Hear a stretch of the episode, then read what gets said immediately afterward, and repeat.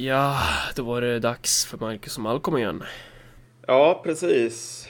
Hur står det till med dig? Ja, det är väl relativt bra med mig. Eh, det är ju väldigt sällan jag svarar så på den frågan, men det, det är det väl. Hur, hur är det med dig? Jag sitter och har huvudvärk och är irriterad. Ja. Jag mig lite trött så här. Ont i halsen också. Det är aldrig bra i det här jävla skitlandet. Nej, men det är ju perfekt. Perfekt för att eh, spela in ett avsnitt av Marcus och Malcolm då. Ehm, ja, varför blev förra avsnittet så sent? Är ju den frågan alla undrar just nu. Eh, och eh, det, det beror ju på dig och mig. Att eh, det är så... Det sa vi ju dessutom i förra avsnittet som jag fick ut för ungefär en timme sedan. Nu är klockan 20.24 söndagen den 9 april. Eh, och det förra avsnittet spelades in i måndags eh, och vanligtvis så spelar, ska vi spela in eh, avsnitt helst på fredagen där då så att jag har lördagen och söndagen så jag kan eh, klippa klart skiten. Men nu spelar vi in det på måndagen eh, och då så ska den här liksom lila rutan i schemat som är podcastens färg, då ska den konkurrera med de här andra rutorna i det här magsårens Tetris. Eh, och det går helt enkelt inte, så då, då får man ta och klippa lite då och då och då skjuts det fram några dagar ytterligare. Och så är det med det. Ja, vi hade egentligen tänkt att spela in på fredagen den här dagen, Ja. den här veckan också. Men eh, det var ju någonting som hände då som kom Precis. lite grann i Vi vägen. gick ju vi och förberedde det där avsnittet. Vi tänkte ju spela, ett, spela in ett avsnitt om religiösa friskolor och eh, om det jänkarna har gjort i Syrien nu. Eh, och det gick vi och förberedde ungefär två timmar innan den här terrorattacken i Stockholm skedde då. Jag tror att vi sa typ i förbifarten att ja, det dröjer väl inte länge förrän det här sker i Sverige. Eh, och mycket riktigt så händer det ju samma dag. Ja, precis. Eh. Jag sa väl också att det skulle bli en jävligt tafflig terrorattack, men att det skulle bli ehm, gissningsvis en ganska stor reaktion på den ändå. Precis. Och det måste man väl säga var det som skedde här faktiskt. Ja, verkligen. Eh, och det är ju det vi kommer fokusera främst på i det här avsnittet då. Men sen också kommer vi glida över i en diskussion om eh, islamismen i, i Sverige överlag kanske. Exakt. Ehm, för nu har det ju blivit alla de här jättestora narrativen Mm. om eh, kärlek mot ondska, öppna samhällen mot hat och allting sånt där. Det är verkligen folk slår på stortrumman. Ja. Och det är många gånger så säger man ju inte så himla mycket annat än plattityder för att folk har ingen historisk förståelse och ingen förståelse för sådana här konflikter, hur de faktiskt utspelar sig. Mm. Om vi ska börja med att gå igenom vad som har hänt då. Eh, och det är väl ingen det är väl ingen som har missat att det har hänt en terrorattack i Stockholm. Eh, men det är väl två aspekter där som är intressanta att ta upp i det här avsnittet. Och dels, det första är väl så här, vem har gjort det?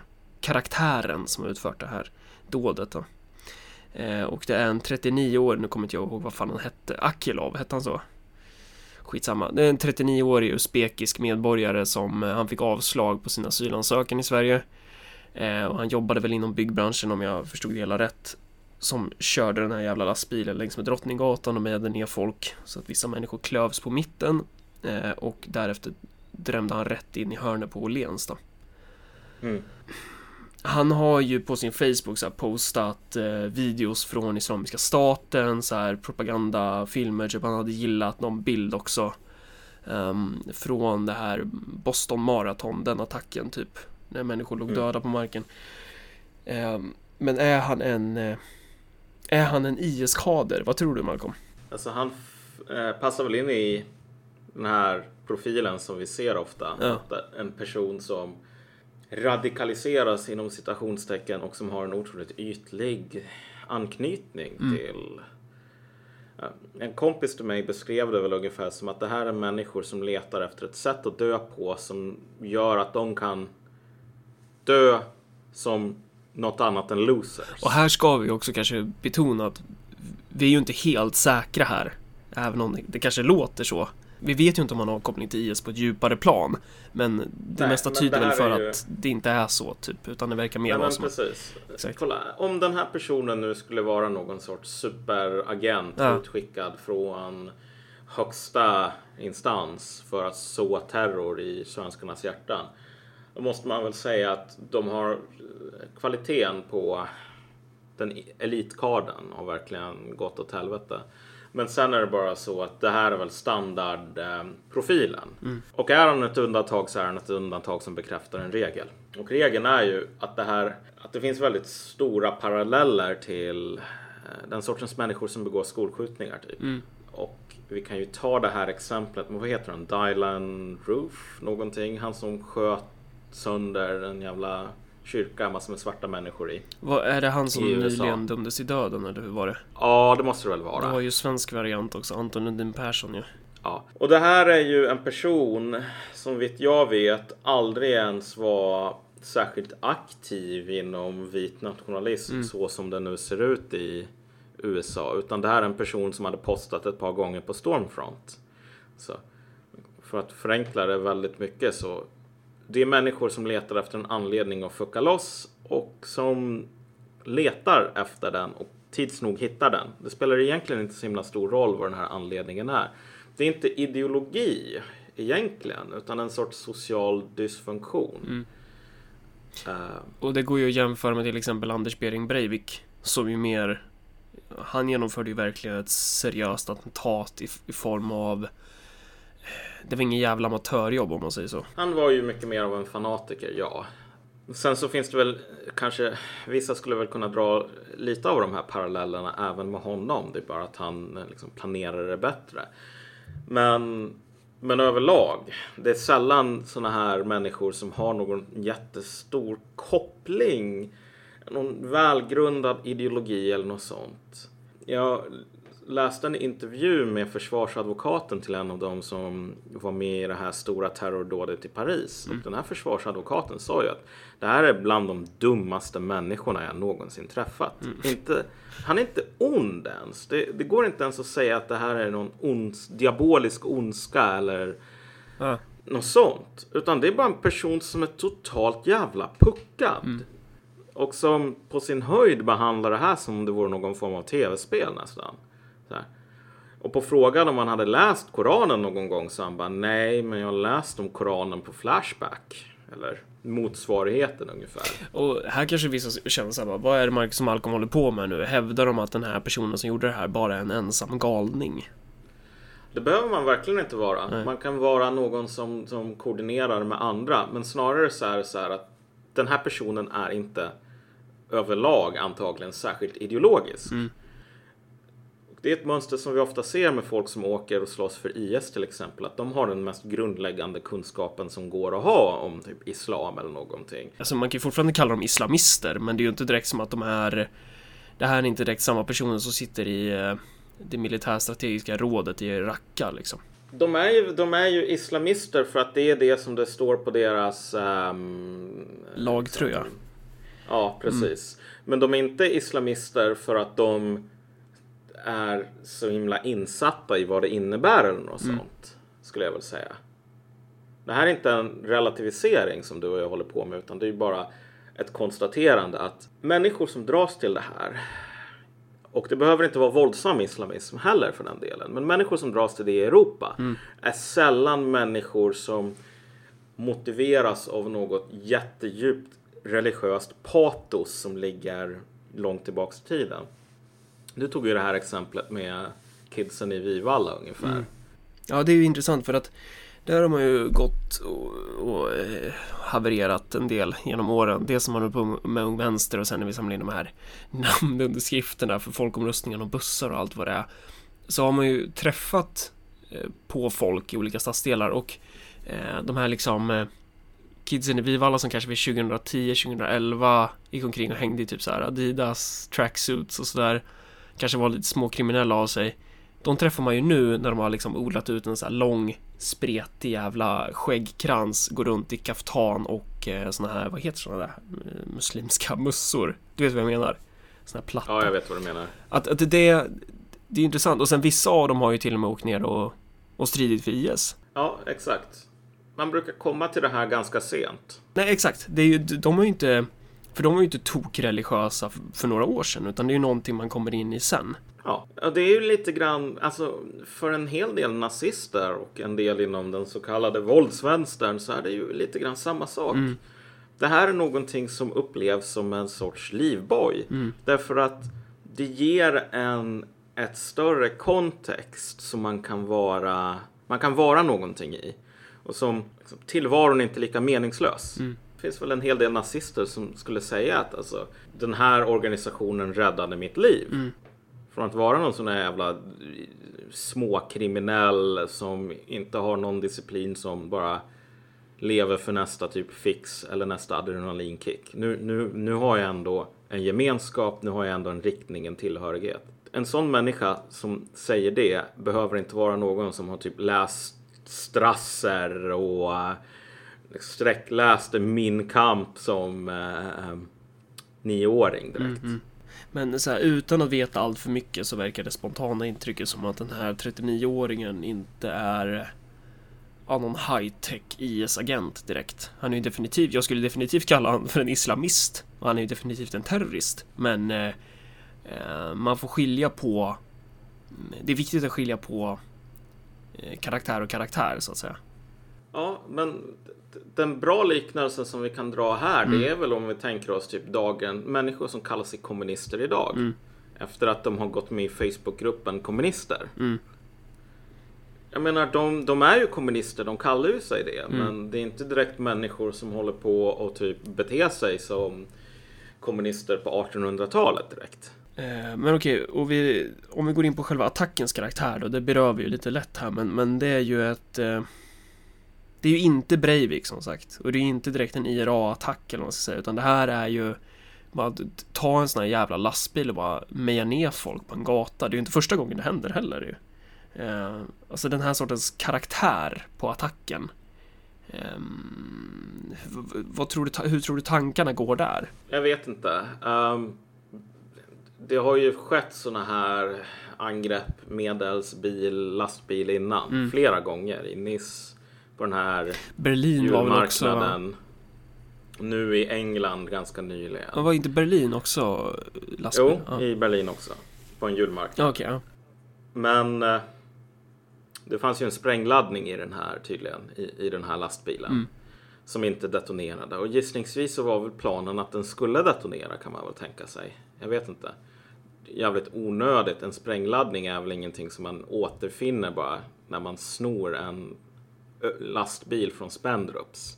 Nej. Den lades ju där av en anledning och den var väl inte bara Anledningen var väl inte att den skulle bara ligga där och bli upptäckt av polisen sen och, efter att den inte detonerade. Så det kan vara mycket möjligt att det här faktiskt var menat att vara någonting större än, än det var. Det vet vi inte. Mm. Men återigen. Rent konkret så är väl det här inte direkt i su, liksom division 1 när det gäller eh, terroristattacker Nej, i Europa. man, man skulle kunna jämföra med några som var jävligt duktiga på det, och det är IRA. Eh, och de, de tänkte ju kanske an, lite annorlunda termer. Eh, då när de attackerade, vad ska man ta? De attackerade ju Heathrow, eller hur? Den här flygplatsen. Ja, jo men precis. Ehm, Och där fanns det väl en tanke i att varför man attackerar den, eh, det stället och varför man, de var väl också jävligt noga med att inte gå på det, det har väl hänt också givetvis, men de, de försökte väl ändå att inte attackera civila. Eh, för att då skulle man ju ge fienden det här kortet att spela. Att kunna visa på, åh kolla IRA, de attackerar ju civila. Och det är ju ganska bra kort att ha i händerna för motståndaren. Eh, Den, den poängen som du är inne på nu är väl det här med liksom, varför gör man grejer? Varför håller man på med så kallade terrorbombningar Mm, mm, och allting sådant? Normalt sett så finns det ju någon sorts, om du är en seriös organisation så har du en militär strategi. Mm. Du har alltså en bild om vart du vill komma. Och sen så har du någon sorts resonemang om de metoderna som du använder så att du kan förklara hur de här sakerna du gör tar dig närmare målet. Och det är väldigt tydligt med den här sortens islamistisk terrorism som är hemgjord i Europa. Folk som radikaliserar sig själva och sen har väldigt sporadisk kontakt med liksom någon som kanske är en IS-rekryterare eller någonting. Det finns ingen strategi, det finns ingen målbild och det finns ingen insikt om hur man går tillväga för att uppnå den. Och om det skulle finnas så- så är ju, för vi har ju nosat lite på det här eh, vid ett annat tillfälle och det var ju november 2015 då vi snackade lite om den här attacken efter, i, då med Paris. Eh, och då drev vi ju en tes om att eh, det- som IS skulle kunna tjäna på de här grejerna är ju att eh, repressionen mot muslimer skärps så att man därmed får lättare möjligheter att rekrytera människor. Eh, m- Ja. Men det är väl just det som är grejen att så här, det, här är ju inte attacker som, som verkar ha skett genom en koordinerad strategi, genom, genom eh, någon slags ledning eh, på det sättet, utan det här är ju mer eh, singelattacker på något sätt, men, men effekterna kan ju fortfarande bli att den här bepansrade jävla järnäven som hänger över vissa människor i vårt samhälle likt en skugga, att den till slut bara slår ner stenhårt. Ja, men precis. Sen är väl så här att sen vi snackade om det här så har den militära situationen för IS försämrats Ja, avsevärt. verkligen. och den här sortens polarisering kan ju definitivt ske och den håller på att ske idag. Ja. Men det är ingenting som är en god nyhet för islamister skulle jag nog säga. Därför att visst, en liten minoritet kommer säkert att eh, vara så sura över sin försämrade lott så att de åker ner och strider i Syrien. Mm. Men eh, om fronten i Syrien stängs, vad ska de ta vägen då? Och sådana här attacker, oavsett hur eh, långtgående de är, är totalt meningslösa. Du kan inte döda ett land, alltså du kan inte terrorisera ett land genom sådana här attacker särskilt länge. Och även om vi tänker oss att den här terrorattacken i Stockholm nu skulle ha dödat en 2000 personer så skulle det rent demografiskt eller vad man nu ska säga, det skulle, militärstrategiskt så skulle det vara en droppe i havet. Lyckas man döda 2000 människor i Stockholm så har man inte förbättrat sin egen position som islamist. Nej. Det enda som du har gjort det är att helt plötsligt, eftersom Stockholm är den staden där alla makthavare och alla liksom, offentliga tänkare och opinionsbildare och så vidare bor. Mm. Så har du mer eller mindre skapat ett klimat där det vad som helst är okej. Vilka metoder som helst är helt plötsligt okej. Precis, järnäven trillar ner. Exakt, och då är du, då är du körd. Om vi ska gå in på det här med eh, 2000 personer kontra det här då. Eh, om vi ska titta på reaktionerna på den här händelsen. Eh, Mm. vad, vad skulle du säga där? Jag menar rent konkret, om vi ser oss runt i Europa Mm. och ser på liksom hur många människor som har dött i terrorattacker, seriösa terrorattacker. Det kan ju vara uppemot hundra eller något sånt. Och nu dog det fyra stycken. Eh, Tre stycken vid händelsen och en dog senare på sjukhus. Kanske vissa blev väldigt svårt skadade så kan det bli mer dödsfall potentiellt. Um, men det är slående om man läser nyheterna och så vidare och ser hur diskussionen går är ju att förberedelsen på det här var väldigt dålig i termer av rent emotionellt om du fattar vad jag menar. Under en lång tid så talar vi ju om att sånt här kan hända, sånt här kan hända, sånt här kan hända även oss. Och man måste ju vara någon form av verkligen verklighetsfrånvänd eh, idiot som, för att säga någonting annat för liksom ett år sedan. Därför att vi kunde ju se hur resten av Europa drabbades av sådana här saker stup i kvarten. Men min kompis var faktiskt i Stockholm i, eh, liksom på fredagen. Ja. Och en sak som brukar hända i sådana här händelser är att folk börjar snacka med varandra mycket mer. Typ att det blir liksom en öppen stämning, allting sånt där. Och alla människor som man pratade med sa ju samma sak. Vilket var att, okej, jag trodde att jag trodde att sånt här kunde hända. Men nu när det händer så inser jag att jag var inte förberedd alls. Och det är väl ganska naturligt att det är så. Ja, jo visst är det ju det i tank- med tanke på att sånt här har inte hänt i Sverige. Men, men det oroväckande på ett plan är väl att det här var av allt att döma en ganska misslyckad attack. Eh, en lyckad attack, en attack som det faktiskt var planering kring. Och där du hade flera olika successiva moment. Till exempel att man driver ner folk i tunnelbanan för att ta skydd. Och sen så kommer en person med en sprängväst och detonerar där. Kan en 80 pers dö eller någonting sådant om man har otur. Vad skulle reaktionerna bli vid något sådant? När de nu vid en sån här sak som faktiskt inte orsakade så himla många dödsfall var väldigt uppslitande om vi säger så. Jag tror att sekunden som en riktigt, riktigt seriös sån här terrorattack drabbade Sverige. Då skulle nog svenskar var beredda att gå mycket längre än vad många andra europeer var beredda att gå. om vi tänker oss ett land som Frankrike, där är man ändå ganska van vid terrorism. Det har varit olika terrorister som har kommit och gått genom tiden. Mm. Det har varit så här algerier som spränger andra algerier på kaféer och liknande.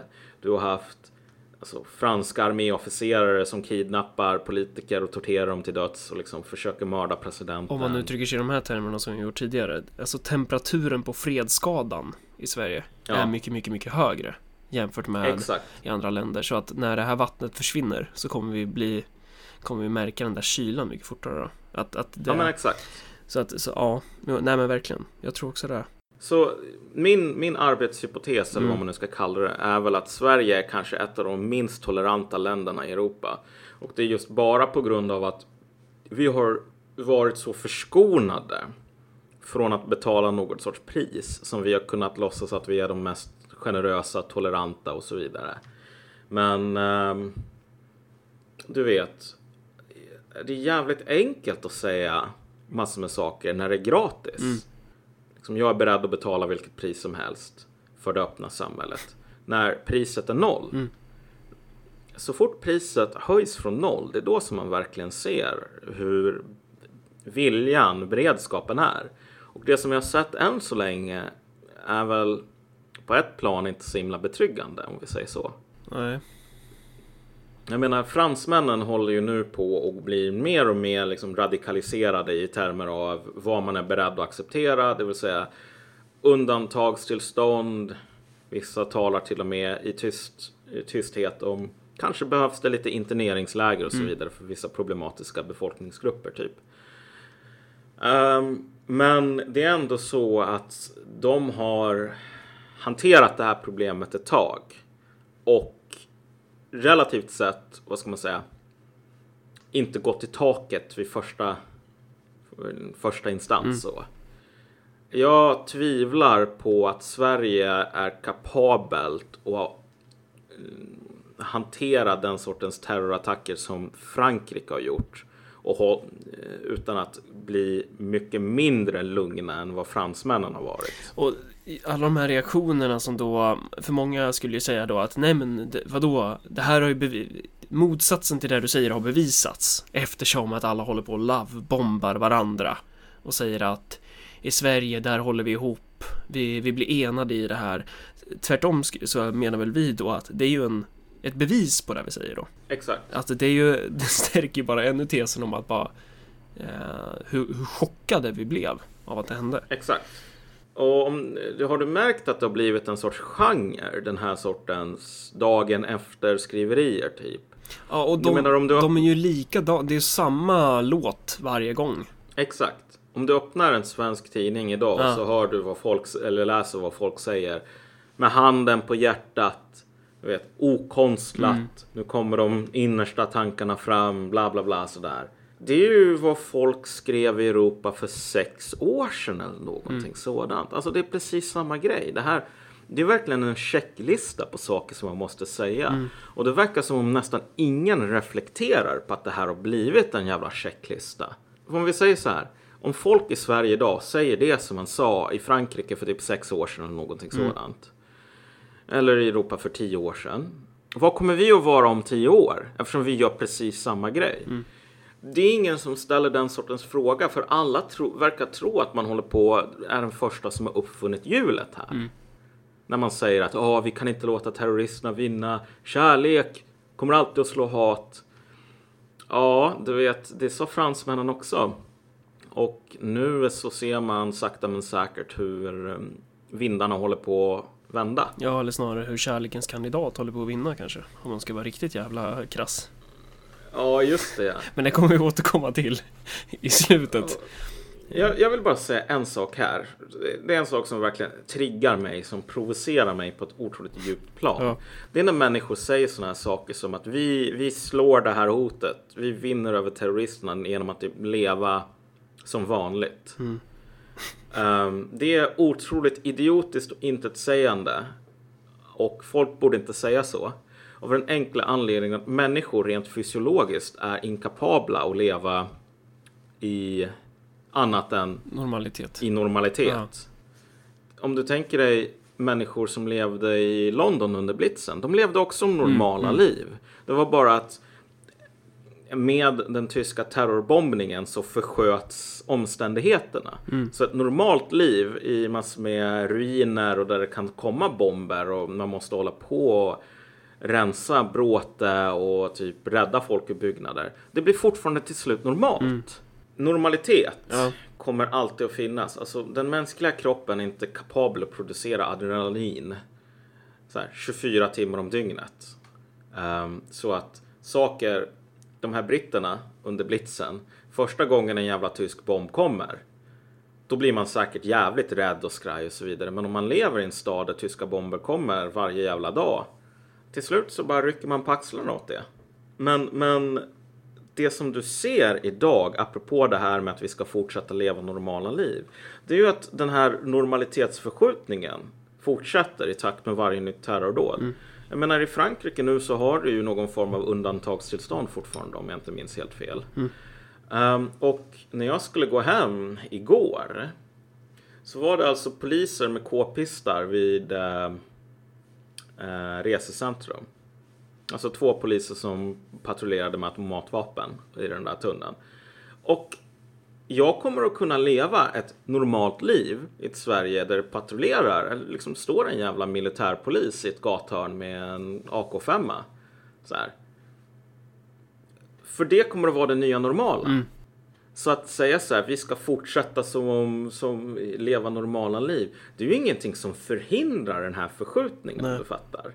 Det är, ingenting som, det är inget statement, det är ingen bot, det är ingen medicin mot någonting. Utan när du lever i ett normalt samhälle där undantagstillståndet har blivit normalt, okej, då är du fullt redo att vara en del av ett kollektivt bestraffningsprojekt mot en trilskande minoritet. Man kan fortfarande sitta still på samma säte även om du rör dig på tåget från Stockholm till Göteborg. Och du kan fortfarande hävda Ja, att du har suttit precis. still hela tiden. Ja, Vi kanske ska stanna lite där vid andra världskriget. För du sa ju innan avsnittet att vi lever i den stora lugnen idag. Och med det menar du väl att vi har ett ganska historiskt selektivt minne.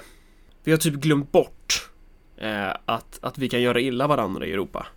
Att eh, efter andra världskriget så nådde vi ett högre stadium. Där vi eh, vi, vi uppfann att vi uppfann fred och sen kom Europ Europeiska unionen ur det där och så och, och det är ju ett fredsprojekt och vi kommer inte vi kommer inte göra något dumt igen att, att vi, vi är så jävla duktiga på att försöka glömma bort eh, vad det egentligen är som föranleder etnisk rensning eller, eller, eller den här sortens grova våld som vi ju faktiskt har eh, upplevt ganska nära in på oss. Så. ja, Eh, och också det här de här goda länderna du vet i andra världskriget. Eh, segrarna Storbritannien och Frankrike till exempel. Alltså det de höll på med under 50 och 60-talen eh, det var ju omfattande tortyr. Det var ju fruktansvärda övergrepp de höll på med fortfarande i sina kolonier Ja, alltså det viktiga att förstå angående europeer Mm. och deras humanism är väl att vad vi har lärt oss det är ju att glömma saker. Mm. Så att den här berättelsen där andra världskriget var den tiden som vi lärde oss att bli mänskliga. Alltså det finns en, en kärna av sanning i det som vilken stor lögn som helst. Så finns det alltid ett korn av sanning. Men om man ser till hur britterna till exempel betedde sig i det jävla Mau Mau-upproret. En oändlig brutalitet. Var, var var det någonstans? Mau Mau-upproret? Det var nere i Afrika. Vi behöver inte gå in på detaljerna. Okej. Men man kan googla det om man Ja. eh, vill se på hur goda humanistiska europeer eh, ser ut i verkligheten. Och de där goda humanistiska européerna har ju inte försvunnit idag. Om du jobbar och försöker leda en presidentvalskampanj i Mali till exempel. Då kommer din presidentkandidat Ja, exakt. berätta för dig att han har träffat franska diplomater som har hotat honom till döden. Och sagt att Mm. tar du makten här, då vet du vad som händer. Så att det där är ju Exakt. inte... Och, och, och vi är ju helt immuna mot det idag. Man fattar ju inte det. Man, även, om, även om man skulle säga att ja men okej, då förstår jag det. Då har jag lärt mig det nu efter att ha lyssnat på podden. Så kommer inte du förstå det förrän du hamnar i den situationen där nere. Och, och får uppleva det eh, på riktigt så. Att, att det de här fina demokratierna vi lever i är egentligen jävligt vidriga. Ja men exakt. Och Frankrike var ju en fin demokrati som hade lärt sig av um, de här hemskheterna och var god och Mm. fin och snäll. Och sen så försökte Algeriet sluta vara en del av Frankrike och fan, då kom tortyren fram. Mm. Otroligt blodig konflikt. Den var blodig och liksom hänsynslös på grund av att fransmännen var riktiga jävla svin. Mm. Och Algeriet, alltså algerierna, var ju splittrade internt och höll på att mörda varandra både i Algeriet och liksom exil ja, i Frankrike. I Frankrike. Mm. Så hade, du hade liksom en period som kallades kafékrigen där alltså man höll på att spränga varandra och mm. liknande och gjorde drive-bys och sånt där för att mörda motståndare. Um, för att det fanns massor med konflikter mellan algerier. Mm. Så att det här är ju någonting som har tvättats bort från det historiska minnet idag. Och det är vad som europeer verkligen har lärt sig. De har lärt sig att utveckla en selektiv glömska. Och det är inte någonting unikt. Det är inte så jävla många i Turkiet som håller på och tänker så här. Ja, ah, vet du vad? Eh, folkmordet på armenier, mm. det måste vi komma ihåg. Utan det är ju bara för att europeer vill hålla på och plocka poäng som det ens är en grej. Mm. Om turkarna själv fick välja så är det så att de flesta skulle säga, ja, vet du vad, vi rycker på axlarna och rör oss vidare. Kanske det bästa exemplet på den sortens mentalitet är ju typ Japan. Japan var ju eh, det, är, det, det grämer mig att säga det här, men alltså Japan var ju de som besegrade mästaren i kolonial brutalitet den tidigare, vilket var Storbritannien. Nu blev japanerna aldrig något så här jätterike som täckte hälften av världen på samma sätt. Men när de höll på, då höll de fan på. Mm. Men Japan idag är ett jättefint, trevligt land, massor med fredsälskande människor, ditten och datten så här. Därför att så här, man har kommit överens om att det inte finns någon poäng att poängtera att um, um, under typ andra världskriget mm. så uppskattade de japanska soldaterna att tävla i vem som kunde sticka bajonetten i flest bebisar. Liksom. Mm. Och det gjorde de. Men du vet, man kan röra sig vidare och glömma bort allt det där därför att de människorna som dog, de behöver man inte bry sig om, de är döda. Mm. Och min jätteradikala hemska poäng här är väl att den sortens, det finns ingen historisk regel som säger att japanerna måste vara, måste komma ihåg alla sina förbrytelser och känna någon skam över dem. Eller lära sig någonting. Det finns ingen Monty Python-gud som särar på molnen och kommer med en stor jävla knytnäve och slår folk i ansiktet när de inte gör det. Utan du kan vara världens monster och så kan du leva till du blir 90 och dö en lugn och fridfull död. I Europa så har vi gjort precis samma sak och det är mm. ingen som straffar oss för det. Tacka Gud du är lycklig du som föds i en demokrati. Här får du arbeta, här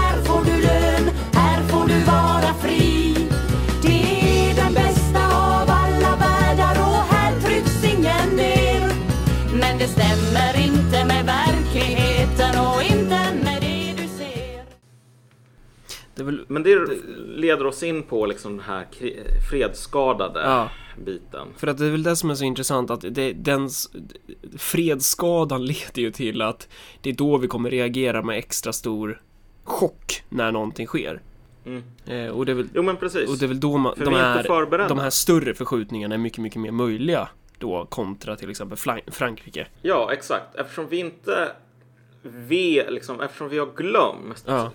Hur sådana här saker sker. Mm. Så alla våra försök att lära oss av historien är dödsdömda från början. Mm. Det är aldrig så att människan lär sig från historien, men om man inte kan historien så är det ju ännu svårare. Mm. Och vi har suddat bort den. Den andra biten är ju att alla strategier kommer att vara feltänkta från början. Och den tredje biten är att den här fredsskadan kommer att utsträcka sig till alla mm. i samhället mer eller mindre. Inte bara Inklusive Precis, inte bara ja. majoritetssvenskar utan även då de här eh, kanske elementen i muslims diaspora som ja, vad ska man säga? Som är islamister. Så. De kommer ju också bli ja. fredsskadade. Jo men precis. Och den biten fascinerar mig otroligt mycket. Jag menar, jag kunde ju fan ingenting om ingenting när jag gick med i Ung Vänster. Jag var liksom, jag växte upp med, var inte otroligt politiskt intresserad och var typ någon jävla medelsosse tills jag var 22 eller någonting. Ja, du röstade väl på Nya Moderaterna där också 2006, eller hur var det? Ja, precis. Det gjorde jag faktiskt. Det är den enda gången som jag har röstat. Ja. Här kommer en Malcolm fact. Jag röstade på Nya Moderaterna när jag just hade flyttat till Uppsala, var 18, pluggade första terminen juridik. Mm. Därför att jag var socialdemokrat, eller jag ville rösta på dem, men jag tyckte så här. Vi behöver förnyelse. Så att om man straffar Socialdemokraterna det här valet så kommer de att bli bättre nästa. All, alla uh, börjar någonstans. Alla börjar någonstans. Men, men du vet, jag kunde ju inte mer än någon annan om det här. Och man blir liksom formad i en vänster där vi håller på att tala om liksom det här hemska polisförtrycket och liksom snuten är så jävla ond och allt mm. det där. Och det som slår mig är att folk verkligen tror på det. Jag trodde ju på det. För det är det som är så intressant i våra avsnitt när man lyssnar på dem. Ehm, att det... Många gånger när vi, när vi slår mot vänster så slår vi mot oss själva. Eller jag känner så, mm. för att i de flesta av alla de här exemplen man har tagit upp så tar man ju upp jag menar det är ju typ 19-åriga Marcus Allard vi sitter och hatar liksom. Ja, till stor del. Och, och det är ju viktigt att man har gjort den resan. Men eh, ja, man, man har ju varit jävligt dum i huvudet emellanåt. Och det kanske vi fortfarande är. Vi kanske fortfarande är kvar i någon slags pubertal radikal eh, socialism här. Men... Ja, jag, jag tvivlar.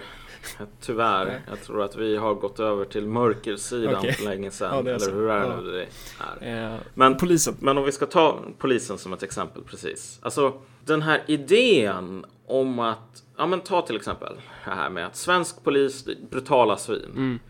Det är ju folk som säger det stup i kvarten. Speciellt inom vänstern. Och det slår mig att människor faktiskt tror på det. Mm. Och det här exemplet som vi återkommer till så himla många gånger. Den här demonstrationen i Limhamn mm. var det väl? Där våra kamrater i Unge Vänster var med om en kavallerichock för första gången. Och, eh, och en viss person vid namn blev slagen så att han blödde från hjässan. Ja.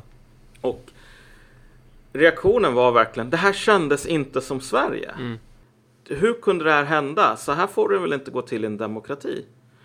För att man hade intalat sig så ja, polisen är brutal, polisen är brutal. Och liksom det man var van vid, det var ungefär att ah, polisen sa dumma saker och typ skyddade nazister vid någon demonstration trots att de borde förstå att nazister borde de slå. Argumentet emot det där var ju någonting i stil med att ja, men om vi inte låtsas vara förvånade så så kommer vi inte kunna övertala Meda Svensson till vår marxistiska övertygelse för de är ju så tröga så de hänger ju inte med i vår analys ändå. Det var ju något, ja, det, är ju, det var ju något sånt man Ja, sa. men precis. Ja, ja det, det kommer jag mycket väl ihåg. Och det är ju skitenkelt att säga att man låtsas vara förvånad när man är förvånad. Så här. Ja.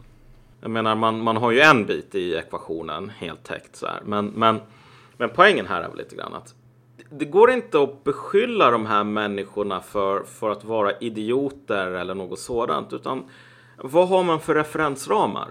Det är så här, den, den, historiska kunskapen är väldigt låg och typ poliser som jag vet inte vad är ela, trilskas med demonstrationstillstånd mm. och ibland typ knuffar den hårt. Det framstår som liksom brutalitet för att man har aldrig sett någonting annat. Och på, och, och på, sam- på ett sätt så kan man ju argumentera för att det är brutalt. Man kan ju argumentera för att när polisen skjuter ihjäl en oskyldig person i Husby så är det brutalt och det, det sker. Eh, men, men det är en brutalitet som då ska ställas i jämförelse med en brutalitet som kan vara mycket, mycket, mycket värre. Och då kanske den här ursprungliga ja. brutaliteten kanske inte är så jättebrutal då. Helt plötsligt. Kolla, ja, vet du vad? Det går att argumentera för att svensk polis är brutal. Ja. Men det är ju rela och då det är har man relativt. Fel. Det är relativt begrepp. Ja, alltså, då har man fel av den enkla anledningen att så här, jämfört med hur det kan se ja, ut precis. så är det här objektivt sett ingenting. Nej. Och man förlorar, det finns inget ord för att beskriva brutalitet om vi kallar det här brutalt. Det är det som är min poäng. Att visst, folk kan säga, oh, men det här är jättehemskt. Varför säger du åt mig att jag inte ska tycka att det är mm. hemskt? Men argumentet emot det är ju bara att alltså, man har verkligen ingen aning om hur saker och ting kan se ut. Och jag tror verkligen att vi har ju den här stora lögnen om det fredsälskande europeen som lärde sig så mycket under andra världskriget så att nu är vi som tjuren Ferdinand. Ja. Problemet är bara att det här är någonting som folk i Järvafältet tar lider mycket skada av skulle jag väl säga mm. så här. Därför att när vi talar i termer som vänstern brukar göra så här att okej, okay, vi kanske inte lider illa av polisen, men det finns människor i det här landet som verkligen ser, du vet, snutens sanna ansikte. Mm. Pytsan. Typ, och att en person blir skjuten av polisen om året eller att typ någon polis lägger telefonkatalogen över låret mm. och kallar den en jävla babbe. Det är inte brutalitet. Jämfört med de metoder som europeer har använt för att kuva andra vita europeer som Victoria Cavesa kanske skulle kalla dem. Så är det här en knäpp på näsan. Ja.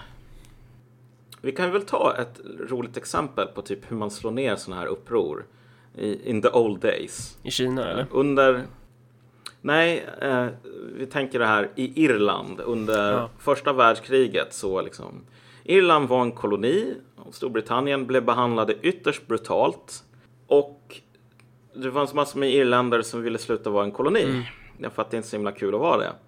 Och under första världskriget så såg väl vissa människor sin chans. Man ockuperade en del byggnader i centrala Dublin var det väl vad britterna gjorde, det var att de rullade in artilleripjäser, tunga sådana. Och så omringade de här området så att ingen kom mm. ut. Och så började de skjuta av de här artilleripjäserna tills det inte fanns några byggnader kvar. Hur många i Järvafälten har varit med om något sådant? Det är inte så himla många. Det är inte så himla många som har varit med om typ hur britterna behandlade irländarna på 60-talet eller någonting där det var så här jag kommer ihåg någon jag kommer inte ihåg exakta detaljerna men jag, jag kunde knappt ens tro liksom. Det var så jävla absurt. Det var så här några brittiska soldater tror jag som bara var uttråkade. Mm. Och så började de ta sina jävla prickskyttegevär och bara skjuta random personer på gatan. Och så gjorde de det liksom. Sköt 20 pers eller någonting. Och sen när de sa liksom, vet du vad, det här är ju bara random mord begångna av brittiska soldater. Ja. Lägg av. Uh, det här kom ju framför någon domare som sa nej, det här det måste vara en olycka. Vi kan inte hitta något mordiskt uppsåt här. Nu lägger vi locket på och går vidare. Så här. Du vet den här irländare som mopsade sig. Det var inte någon jävla brittisk polis som la telefonkatalogen över låren eller knuffade in dig i en vägg eller väste jävla neger. Utan du dog. Du kunde verkligen göra det. Och typ de människorna som liksom dödade folk för att de mopsade sig, de blev aldrig bestraffade. Mm.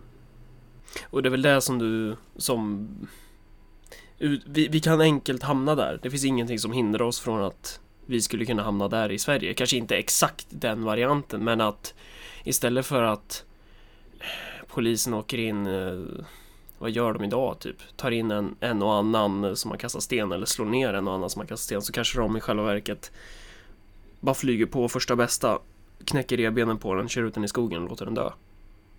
Ja, exakt. Det finns liksom ingenting och... som hindrar eh, Sverige från att hamna i den situationen.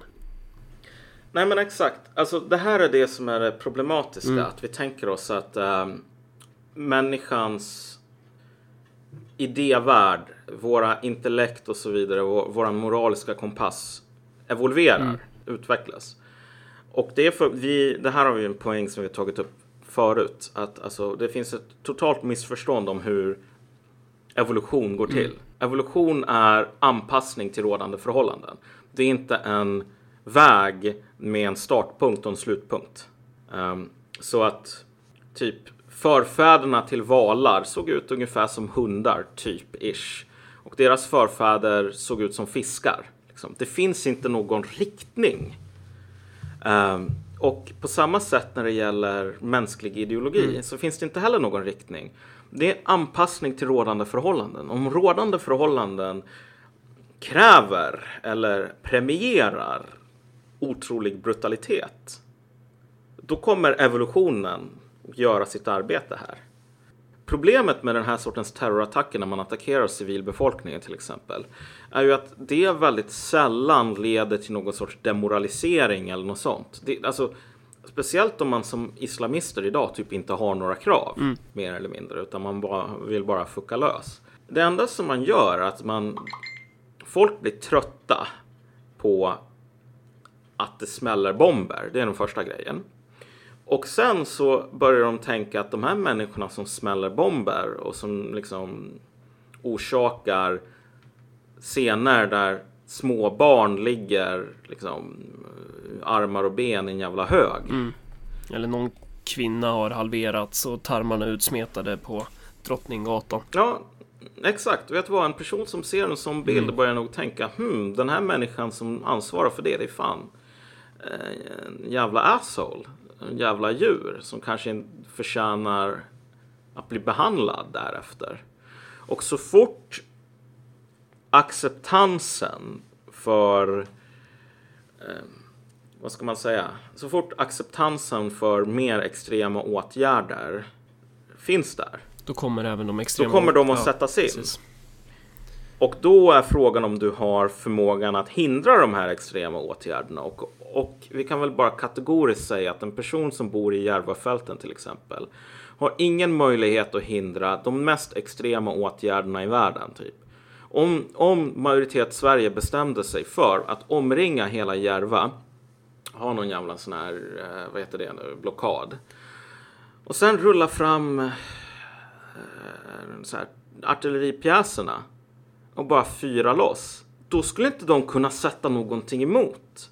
Vad är det man har? Handgranater och en del automatkarbiner från liksom, östblocket. Det hjälper inte så himla mycket. Och anledningen till att svenskar inte gör det är ju för att man inte vill göra det för det första. Men sen också att det här skulle leda till massor med dåliga reaktioner. Folk skulle tänka att de här svenskarna, de är helt jävla utflippade. Mm. Alltså, man skulle förlora anseende. Men som ni kanske har märkt så sker det massor med terrorattacker i resten av Europa hela tiden, vilket gör att det är få fransmän om en 20 år som kommer att komma till undsättning till någon sorts liksom, muslimsk minoritet. Det är få britter som kommer att säga nej men vänta lite nu. Så att det finns ingen hjälp i, i liksom värsta fall. Precis, och det där kommer vi återkomma till också. Mm. Eh, men man brukar ju säga det att... Eh, Våld löser ingenting. Det är bättre att prata istället. Men du och jag skulle väl kanske säga att jo, våld, våld kan lösa jävla massa grejer. Sen behöver man inte tycka att det är bra, men eh, det är ju ett faktum. Våld har löst väldigt mycket problem för olika stater genom historien. Ja, exakt. Alltså, när man talar om att våld inte löser någonting, då har man verkligen ingen aning om vad man talar Nej. om.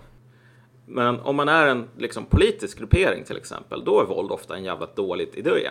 Därför att det enda som våld gör är att folk tänker att okej, okay, nu är det dags att använda våld mot de här människorna.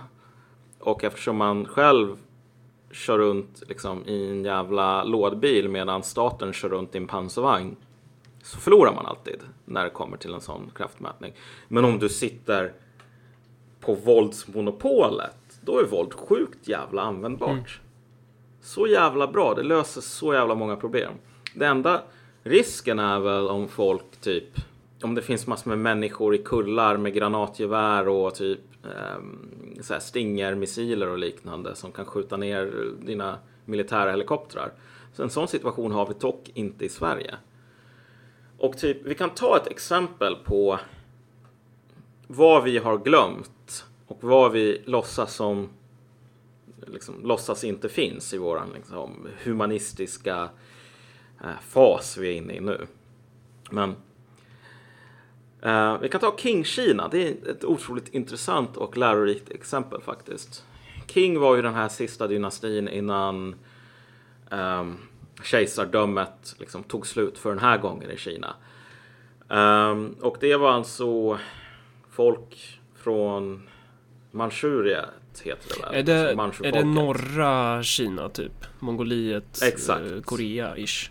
Uh, norr om Korea, okay. Mm. precis. Mm. Hur som helst, du hade alltså det som har hänt en del gånger innan, vilket är att det är främmande folk som invaderar, vinner, besegrar den sittande dynastin i Kina och säger okej, nu är vi nu är det vi som är bossen här. Menar, mongolerna gjorde samma sak och då fick du Yuan-dynastin. Ehm, och intressant nog så finns det massor med religiösa och filosofiska skäl till varför det anses dåligt att klippa håret om man är vuxen i Kina. Eller det fanns det då. Ehm, och mongolerna, eller vad säger jag, manchufolket. De hade ju en tradition med att typ raka håret på gässan och sen så har man den här långa flätan som hänger bak på huvudet. Och vad manchufolket sa, eller vad liksom de nya kejsarna sa, det var så här. Nu ska alla vuxna manliga kineser gå runt med den här frisyren. De som inte har den här frisyren, de kommer vi att hugga huvudet av. Um, och man sa det för att man ville verkligen poängtera att det nu, är, nu är det vi som bestämmer. Och den som gör motstånd, den kommer att dödas. Så man sa det. Att du måste visa att du, din underkastelse genom din hår, din frisyr.